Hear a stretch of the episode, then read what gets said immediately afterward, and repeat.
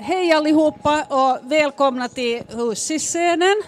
Uh, välkommen också Krista Höckerstedt och uh, Mardi Lindqvist. Och jag tror faktiskt att det är första gången vi har en kirurg med oss här på scenen och det är ju jättehedrande och fint. Och dessutom en jättekänd kirurg, det blir ännu roligare. Och Krista Höckerstedt är alltså uh, huvudperson i den här boken som heter Lever för liv och hans uh, liv och uh, verksamhet till oss alla till fromma och glädje för oss alla har nedtecknats då av Mardi Lindqvist. Och Mardi, eh, hon har som ni säkert alla vet ett långt förflutet på Hufvudstadsbladet där hon avslutade sin fina karriär med att många år jobba som medicinsk reporter. Och nu hoppar vi genast till den här ena dagen 1984 när den första eh, lyckade levertransplantationen genomfördes. Hur kommer du ihåg den dagen, Christer? Ja, det var faktiskt först den andra transplantationen, alltså 84 och två år tidigare hade vi gjort den första åt en kvinna, åt en uh, ung kvinna som levde bara tre månader. Och det var längre än de flesta som gör den första i Europa, men not good enough, det var inte tillräckligt bra. Och den här andra flickan, hon var 23 år gammal och hade varit sjuk i hela sitt liv in och ut på intensivvårdsavdelningar och hade blött en massa gånger på sin svåra medfödda, medfödda leversjukdom. Och den transplantationen lyckades oväntat bra. Det var som hon skulle ha gått igenom en galloperation brukar jag nästan säga för att hon, hon hade varit så sjuk och nu hade hon inte ont mera. Hur mycket kontakt har du med henne fortfarande? Har ni någon kontakt? Jag kan ju tänka mig att hon att hon tänker på det så gott som dagligen? No, hon brukar skicka julkort. Hon bor i, hon bor i norra Norge, eh, där vid havsranden, och hon var en fruktansvärt blyg flicka som har varit sjuk över tio år faktiskt. Och nu skickar hon ett senaste bilden, senaste bilden var en bild av henne själv, enormt påklädd i skinnfäll med en enormt gevär och två stora hundar bredvid så att nu kan hon ta vara på sig själv. Bra. Äh, Mardi, kommer du också ihåg den här dagen 84? Tyvärr inte. Jag minns den inte överhuvudtaget. Men det var ju också det att, att jag jobbade inte med medicinsk journalist förrän någon gång på uh, 90-talet. Utan, utan på på 80-talet så, så var jag utlokaliserad till eh, veckan med radio och TV för jag hade barn hemma så behövde lite mer omsorg och jag hade lite kortare arbetsdagar så därför har jag inte riktigt något minne av det här. Men ni två har väl träffats ganska mycket under åren i alla fall i samband med att Mardi sen blev medicinsk journalist eller hade ni aldrig mötts förrän ni började jobba med boken? Nej, vi har träffats väldigt mycket och jag har använt eh, Christer eller använt och använt, men jag har ringt Christer väldigt ofta för att få inofficiella åsikter om det ena och det andra. Och det roliga är att han ju alltid har svarat väldigt öppet och glatt och, och också ganska orädd, hur det nu heter på svenska. ja. Det där, hur kom det sig att just lever blev det organ som du ägnade din, din medicinska karriär åt? Ja, hon vet. Nej, jag var ju magkirurg redan då och opererade gallar och sånt och den där levern var alltid i vägen.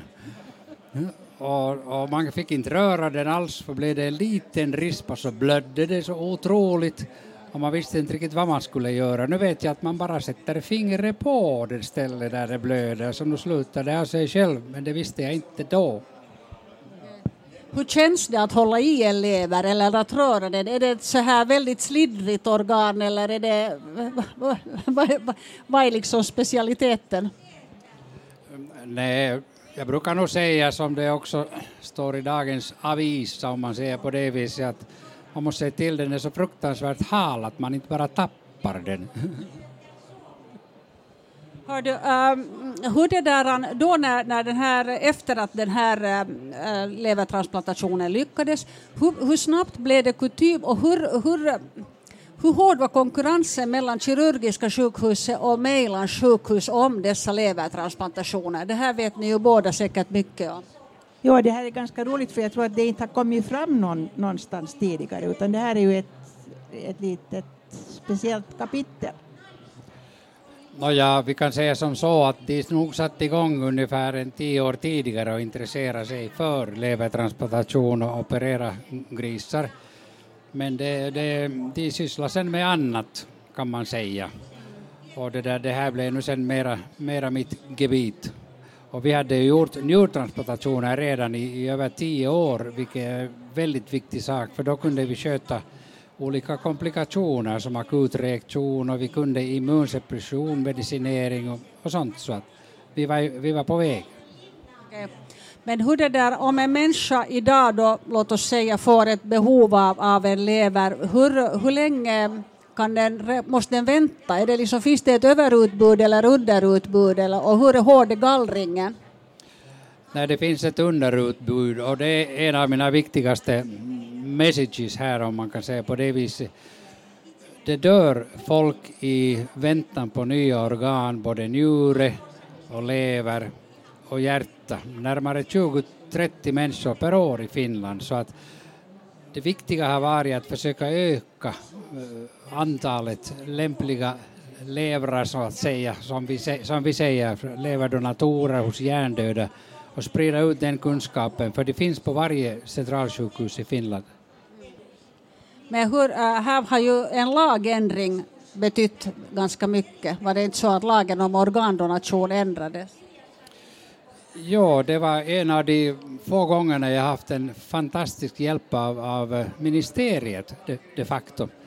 Jag satt på ett EU-möte och där var också en, en, en som hette Terhi Hermansson som hade varit där i tiotal år.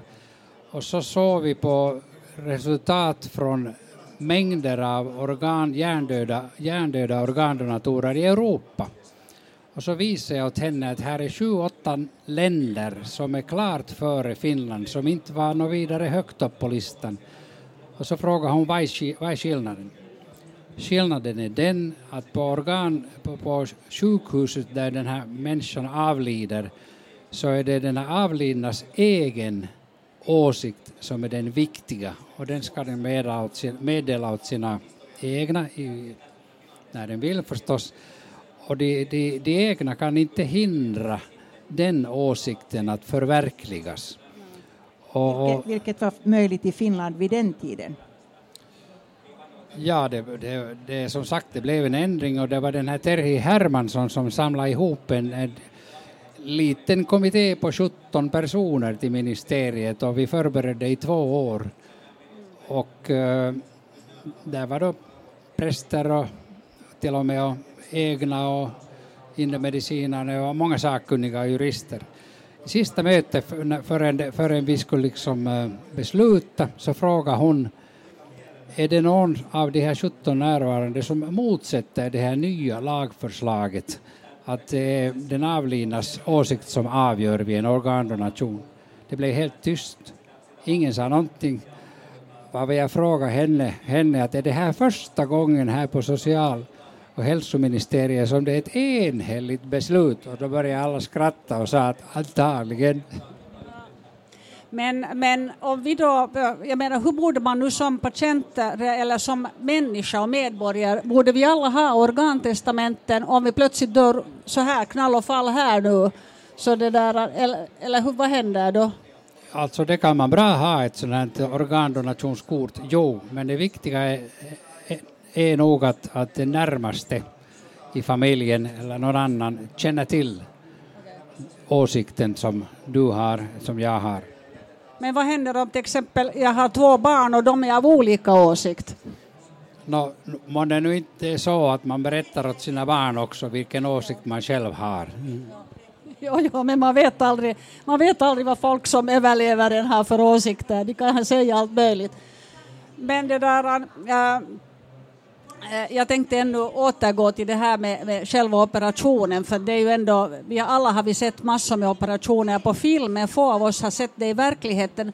Hur, det där, hur länge tar en, en eh, leveroperation eh, och hur, transplantation och vad är det riskfyllda momentet? Alltså det är ju tre operationer som ska göras allt i ett kör, oberoende av tiden på dygnet det är donatoroperationen som kan vara i, som kan vara i Uleåborg. Då flyger vi dit med ett eh, privat plan som HUS har, har för oss. Vi är fem stycken. Vi opererar bort levern och båda njurarna, hämtar dem hit till Helsingfors. Så transplanterar vi levern och det kan ta mellan fem och tio timmar. Fem och tio timmar den där transplantationen för vi måste först ta bort den där sjuka levern också för att få plats åt den nya. Så att det är nog en, en, det är en lång grej, en till två dygn kan det, kan det ta. Och, och vilket är det allra mest riskfyllda momentet? Är det att sätta in den nya levern och få den att vänja sig vid en ny kropp eller hur är det? Ja, i början var det riskfyllda överhuvudtaget att man kunde göra, man kunde göra den. Och eh, en del patienter hade haft så mycket infektioner att, att det, där, det var, allt var igenmurat där i, i boken. Men ju flera vi har gjort och vi har gjort nu över 1200 stycken så att eh, det hela tiden har man varit väldigt mycket tvungen att lära sig, lära sig nytt, nytt och fråga kollegor runt om i Europa och i världen. No, jag tänkte när jag läste den här boken så tänkte jag att du måste nog ha offrat ganska mycket eftersom du alltid skulle vara tillgänglig. Och sen råkade det sig så att jag i spårvagnen hit äh, träffade en okänd person som var läkare. Alltså för mig okänd person, men han var nu läkare och visade sig vara finlandssvensk och så satt jag och pratade med honom och så berättade jag att jag ska intervjua dig sa han att ja, ja, att Christer kunde aldrig dricka någonting på börsklubben för han måste alltid vara i beredskap att, att flyga till Uleåborg eller någon annanstans. Han, han, han, han, han, han, måste vara måttfullast av oss alla. Var det så att du, du liksom alltid var i beredskap och har uppoffrat dig för vetenskapen och oss alla? No, nu var det så de började första 10-15 åren alldeles klart, men det där eh, det var också så att det var ju ingen skillnad på veckodagar när man gjorde en transplantation för att sen när det fanns en, en, en, en avliden människa som skulle fungera, som skulle fungera som organdonator så då lördag eller söndag eller natt eller dag så då satte man igång. Och det där, det tyckte jag var alldeles klart och så är det i hela världen men men det är klart för familjen där hemma och så, så var, det, var man ju nog inte till allt för stort stöd, inte, det måste man ju säga. Oj, oj. Men det där, hör du när du, uh, hur, hur kom det sig att det blev en bok? Berätta nu hela bakgrunden. Vi har pratat nu om levrar och levertransplantationen som är temat för boken, men, men du som har tecknat ner alltihopa. No, det, det, det började med att jag blev väldigt förvånad för jag fick ett samtal i november 2015 eh, och det var, visade sig att vara från Christer och han undrade om jag var villig att skriva hans memoarer och jag blev väldigt förvånad för jag hade ju varit pensionerad länge och hade tänkt fortsätta med att inte göra så mycket. Och så tänkte jag att nej, det där gör jag nog aldrig för det är ett sånt himla jobb. Men å andra sidan blev jag lite smickrad och glad och så tyckte jag att det var lite av ett hedersuppdrag och innan jag visste ordet av så hade jag svarat ja efter några dagar. Eh, det var ett stort jobb och det var det var bra att jag var beredd på det, nog. Eh, så det ska bli roligt att bli lite mera pensionär nu från den här nästa vecka. Men, men det har också varit väldigt, väldigt givande. Och det gick till så att vi träffades. Jag tänkte att en vacker dag kommer någon att fråga mig att hur sjuk är du egentligen? För jag gick på Kirran en gång i veckan. Men ingen höll ögonen på mig på det sättet så att eh, jo, vi gjorde alltså en, en, en intervju eh, varje vecka och så diskuterade vi den och så sammanställde vi den. Men det var ett omständigt jobb som, berod, som, bytte som det där uh, där bådas förtroende var, var liksom helt avgörande. Och det har, vi har haft ett väldigt gott samarbete. Till saken hör att, att jag har bandat, eller vad man nu säger, alla, alla samtal och uh, när jag spelar upp dem så har jag insett att där är väldigt mycket skratt. Så vi har haft riktigt roligt. Hur har, hur har eh, tekniken när det gäller äh, leverkirurgi, hur har den utvecklats under de här dryga 30 åren sedan, sedan äh, ehm, den första lyckade levertransplantationen i Finland? Eh, det är ju klart att man har, för en kirurg är det viktigt att lära känna det där organet och liksom få en en feeling, feeling för det här oberoende hur sjukt det är och hur mycket det blöder och, och så vidare. Ibland blöder det så mycket att man bara måste ta bort den levern. Annars blöder människan ihjäl. Men man har lärt sig på det här, jag var väldigt mycket ute i Europa på de, de få centra där det gjordes levertransplantationer i, i början och försökte jag lärde snabbt känna alltid ansvariga kirurgen och ansvariga anestesiläkarna och medicinarna och, och dem intervjuade och på det viset går det framåt. Jag tänkte mera på metoderna. Alltså, igår var jag och lyssnade på Dan Brown och han sa att, på tal om vetenskap och vetenskapliga framsteg, han sa att det går bara fortare och fortare och fortare hela tiden och att i en överskådlig framtid kommer dagens kirurgi att te sig fullständigt barbarisk. Eh, han talar nu inte uttryckligen om leverkirurgi utan om kirurgi i allmänhet. Så, där, så jag tänkte att det, jag menar, det är väl inte så att man pottar så mycket inne i kroppen mer utan man använder olika, uh, olika dator, datorer och andra hjälpmedel. Well, well, well, well. det är sådana som skriver fiction och det är sådana som skriver facts. Försök nu komma, komma ihåg. Ja. Nu har man talat om också till exempel att inte behöver, för, för 30 år sedan, att inte behöver man organ mer att transplantera utan man, man odlar celler som, som eh, ombildar sig till njure eller lever eller sånt. Och det är ju alldeles bakom hörnet det här tekniken och det är fortfarande bakom hörnet men ännu längre borta. Nej, nej, jag tänkte att jag måste fråga det här. Nå, um, vi vet ju alla att det pågår ute i världen, inte i Finland, oetiska organtransplantationer. Hur stort är det här problemet egentligen, skulle du säga? Det där är ju en fruktansvärt viktig fråga och jag, jag skulle nästan säga att vi i Norden, vi har ett eh, samarbete ända sedan 1969 uh, eh, i frågan om att uh, transplantationer och speciellt att, att sända organ från avlidna hjärndöda från ett land till ett annat.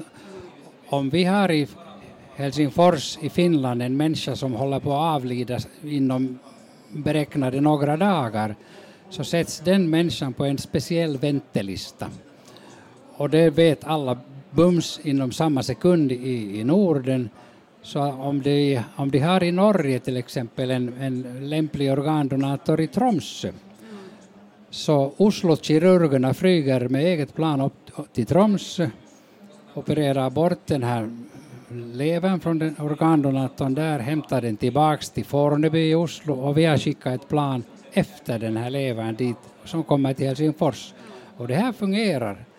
I, i, i, väldigt många andra länder är de förvånade över det för att sådana levrar brukar försvinna under transporten men inte i Norden. Det har inte hänt en enda gång.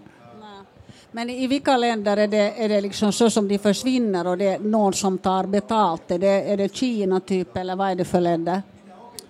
No, det, Kina är kanske det, det kändaste men, men man ska nog komma ihåg att till exempel i Tyskland här för sju år sedan så, sju år sedan så visade det sig att de började transplantera privat nya levrar och nya hjärtan åt utlänningar som betalade för det. Och, och det var rätt fruktansvärt ohyggligt. Och det var 28 universitetssjukhus, benhårda gäng som hade gått och samlat åt sig pengar. Det stod i alla tyska tidningar om det i flera år. De här killarna, de här kirurgerna hamnade i, i fängelse. Och du känner till och med några av dem? Jag, kände, jag känner flera av dem och skulle aldrig ha tänkt att, att eh, sånt där händer, men där ser man. Har de, har de försökt förklara sig på något sätt med några andra motiv än att de ville ha pengar? Hör du, då kan de förklara vad de vill, men det är ingen som tror på dem. No, det där, uh, jag vet inte om du har läst uh, Nobelpristagaren Ishiguros uh, roman Never Let Me Go, men den handlar ju om ett internat där unga människor fostras, växer upp och med en enda uppgift att vara organdonatorer. Det är det enda de ska, finns till för. Och jag undrar, är det här en fullständig science fiction tanke eller, eller är det någonting som i värsta fall faktiskt kan komma att hända? För att efterfrågan på organ är så jättestor? Alltså man, man vet ju om, om Kinas system och officiellt har de inte mera det systemet att de, de skjuter dödsdömda fångar i nacken och, och de fungerar sen som organdonatorer. Men i Kina finns det tre sorters sjukhus. Det är vanliga sjukhus och så finns det för dem som hör till partiet och för dem som hör till militären. Och det är de där första sjukhusen som kontrolleras utåt, men vad som händer i de här militär och partisjukhusen så vet ingen. Får inga västerländska läkare få komma dit på besök ens eller något sånt då? Nej. Men till exempel här är mycket nära Europa, i Iran, Iran som ligger ganska nära oss, inte sant? så där, där uppmanar regeringen folk att sälja sina njurar. Och eh, sånt försiggår nog i, speciellt i Indien och i en del andra länder, men, men det, resultaten är fruktansvärt dåliga och det blir bara elände i allmänhet för den här organdonatorn också med infektioner och annat. Så det är totalt förkastligt. Det finns inget försvar för sånt att sälja organ åt andra. Mm. Uh, hur det där, vad skulle du säga att det är de stora utmaningarna för dagens uh, transplantationsverksamhet och, och morgondagen? Är det, är det bristen på organ som gör just att de här penningstinna typerna kommer till makten eller är det någonting teknologiskt eller tekniskt eller är det samarbete eller administration eller, eller vad kan det handla om? eller lagen? Nu, nu brukar det vara så att det på alla, på alla fronter finns det möjlighet att förbättring och, och eh, utveckling, utvecklingen går ju vidare hela tiden också. Vi, vi transplanterar äldre och äldre människor långt över 70-åringar också idag. Vi transplanterar yngre och yngre barn, några månader gamla också, som har medfödda sjukdomar. Och det, vi får bättre och bättre mediciner att köta det här, fast det går långsamt. Det går långsamt. Det är därför man måste vara på alerten hela tiden. Och, äh, opererar du fortfarande? Är du aktiv kirurg ännu? No, Jesus, Jesus. Alltså, alltså jag har sett tillräckligt av gamla professorer som när de blir pensionerade så kommer de till varje möte på kliniken och sitter på första raden när patienter diskuteras och, och så diskuterar man att vad ska man göra med den här patienten som har den här sjukdomen. Ja, brukar de säga, förr i världen gjorde vi så här och bra gick det. jag, har, jag har aldrig varit med på ett enda patientmöte på kliniken efter det mina kollegor har, jag har själv skolat dem, de har skolat sig och de har jobbat vidare och det, det är deras tur att axla ansvaret och det har de gjort fantastiskt, det har bara gått framåt. Cool. No, finns, det, äh, finns det något organ som står i näst att bli det första organet transplanteras? Men nu, vi kan, det är så mycket som kan transplanteras, men finns det någonting som står på tur som det forskas extra mycket kring just nu? Ja, jag vet inte riktigt organ. Det senaste vi själva började med så var bukspottkörteln, faktiskt alltså pankreas. Och den, eh, den transplanterade vi första gången för, två veckor före jag blev pensionerad. Vi hade för, för, förberett det i tre år. Jag gick inte med i operationen för att det var de som, som vi hade kommit underfund med som skulle göra det och jag hade gjort mitt. Marko Lempinen och, och Arno Nordin gjorde den och de har nog gjort över hundra transplantationer på bukspottkörteln. Och, och människorna är så sjuka, de som transplanteras, att, att de, de ligger och väntar på en ny njure på grund av sin diabetes som har förstört njurarna. Och, och nu har de kunnat få en ny bukspottkörtel också och så kan de vara i fyra, fem år åtminstone hittills mätt, hittills mätt utan insulin vilket är ganska otroligt. Och den där diabetesen som annars alltid liksom man blir sämre och sämre och sämre så den här försämringen har förlångsammats nu så att de klarar sig mycket, mycket bättre. Men det är ju härligt. Det är ju fantastiskt. Bra. Och finns det tillräckligt mycket tillväxt på, på bland unga läkare? Kommer det många, är det en så här attraktiv gren att specialisera sig på? Well, om ni läser om, om, om eller lyssnar på diskussioner idag så det handlar ju väldigt mycket om vem förtjänar var och vem har lättare jobb. Och det här hör ju till det tyngsta när man har väldigt mycket disjurer. Och visserligen har, har, har, man fått flera kirurger och anestesiläkare, medicinare till besättningen på transplantationsavdelningarna, jo, men nu är det hårt. Nu, nu, nu är det tufft jobb fortfarande. Och hur mycket, hur mycket avundsjuka finns det på sjukhuset? Ja. Avundsjuka, det inte finns det något sånt på sjukhuset. det, är, det är precis som på alla andra ställen. Det, det är nog tufft. Ja. Ni kan, de av er som eventuellt köper den här boken eller läser den av någon annan så, så ser nog vissa kapitel där det relateras ganska noggrant. Ja, jag tyckte nog det var jätteintressant, fast vi, eh, alltså alltihopa, men också just det här med avundsjuka. Alla som, alla som har varit på en, på en arbetsplats vet ju att det är ett grundläggande drag. Tack hörni, det här var ett fint samtal och tack till den talrika publiken. Tack.